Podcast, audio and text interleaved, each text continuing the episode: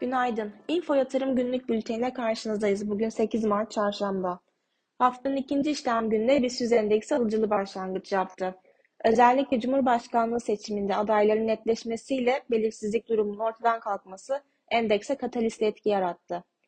Bilanço döneminin devam etmesi ve güçlü finansallar sonrasında temettü açıklayan şirketler özelinde hisse hareketleri endeksi 5400 seviyesinin üstüne taşıdı.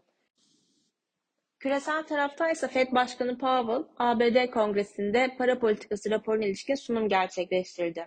Sunumun ilkini senatoya gerçekleştiren Powell, enflasyonun son aylarda ılımlı bir seyir izlemesine rağmen %2'ye düşürme sürecinin daha uzun bir yolu olduğunu ve bu yolun engebeli olabileceğini söyledi.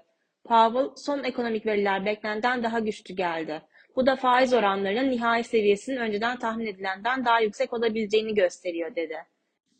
Fiyat istikrarını yeniden sağlamanın muhtemelen bir süre daha kısıtlayıcı bir para politikası duruşunu sürdürmelerini gerektireceğini belirten Powell, verilerin toplamı daha hızlı sıkılaşmanın gerekli olduğunu gösterirse faiz artışlarının hızını artırmaya hazırız diye konuştu.